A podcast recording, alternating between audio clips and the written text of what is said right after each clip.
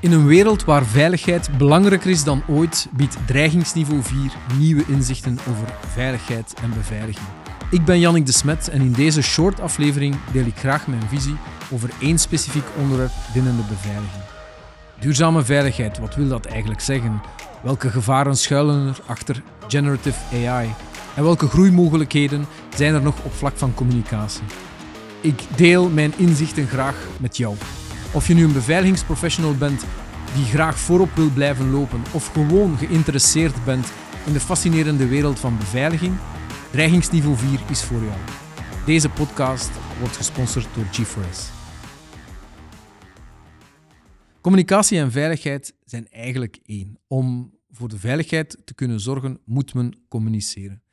En naarmate beveiliging en veiligheid meer en meer preventief wil zijn of wil, uh, moet gebeuren, is meer en meer communicatie nodig. In vele gevallen, wanneer men potentiële daders aanspreekt, nog voor ze de feiten plegen, lukt het om drama's echt te vermijden. Een goed voorbeeld was een analyse die ik onlangs heb gezien naar aanleiding van de terroristische aanval in Manchester, waar de dader jammer genoeg tot uitvoering van zijn daad is gegaan, maar vooraf, als gevolg van het feit dat hij aangesproken werd, eerst de beslissing had genomen om de, de metro terug naar huis te nemen.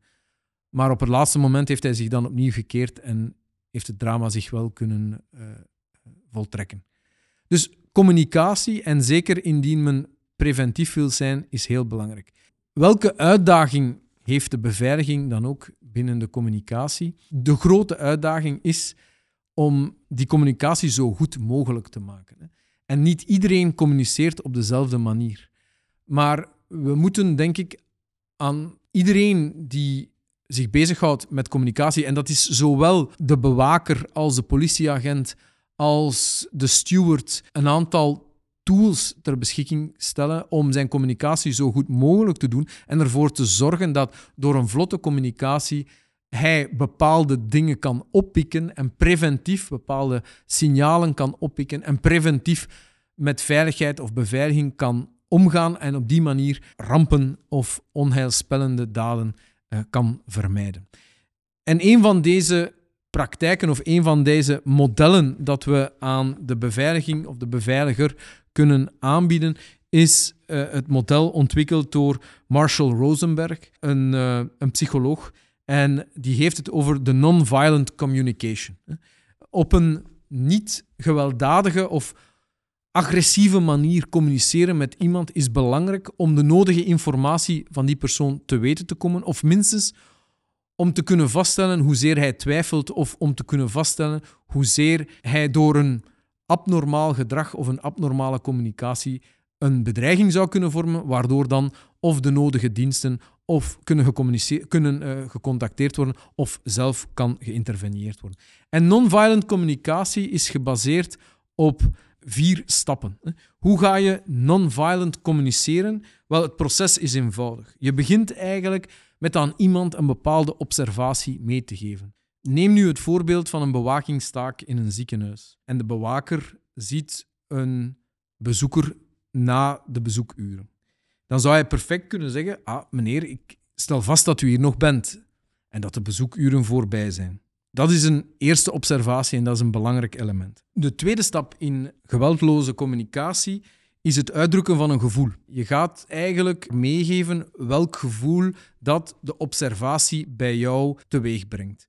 Bijvoorbeeld, in ons voorbeeld van de bewaking in een ziekenhuis, zou de bewaker kunnen zeggen: Vooral, ik voel mij onwennig, ik voel mij ongerust over het feit dat u hier nog bent na de bezoekuren. En dit eigenlijk, of dat gevoel sluit onmiddellijk aan bij het derde aandachtspunt.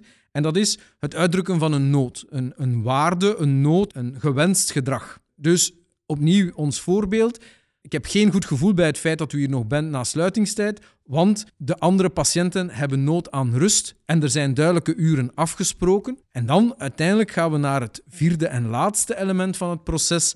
En dat is effectief zeggen wat er moet gebeuren. Dat is dus de wens van uh, diegene die communiceert naar diegene die luistert uitdrukken. Ik wens, in, in ons geval, ik wens dat u het ziekenhuis of deze kamer verlaat en op die manier de rust er voor iedereen kan zijn. Om nog eens het met een voorbeeld alles nog eens te illustreren. Ik ben een bewaker in een ziekenhuis. Ik zie dat er nog een bezoeker is na de bezoekuren. Ik stap naar de bezoeker toe en ik zeg hem: Meneer, u bent hier nog. De bezoekuren zijn voorbij. Wel, dat maakt me wat ongerust, want de andere patiënten hebben nood aan rust en er zijn duidelijke uren in zaken de bezoeken afgesproken. Mag ik u alstublieft vragen om de kamer te verlaten? De kunst van op een dergelijke manier te communiceren zit hem vooral in het puntje 2 uh, en 3, waarbij je een gevoel en een bepaalde nood en een bepaalde waarde gaat uitdrukken. Wat het voor de luisteraar veel aanvaardbaarder maakt om zich naar een bepaalde regel of naar een bepaald verzoek dan te gaan gedragen. Maar dat zijn allemaal theorieën en dat zijn allemaal praktijken die we onszelf eigen moeten maken, want die dus alzomaar belangrijker zullen worden in het kader van ons preventieve taken binnen de veiligheid. Fijn dat je naar deze short aflevering van Dreigingsniveau 4 luisterde. Deze podcast wordt gesponsord door G4S.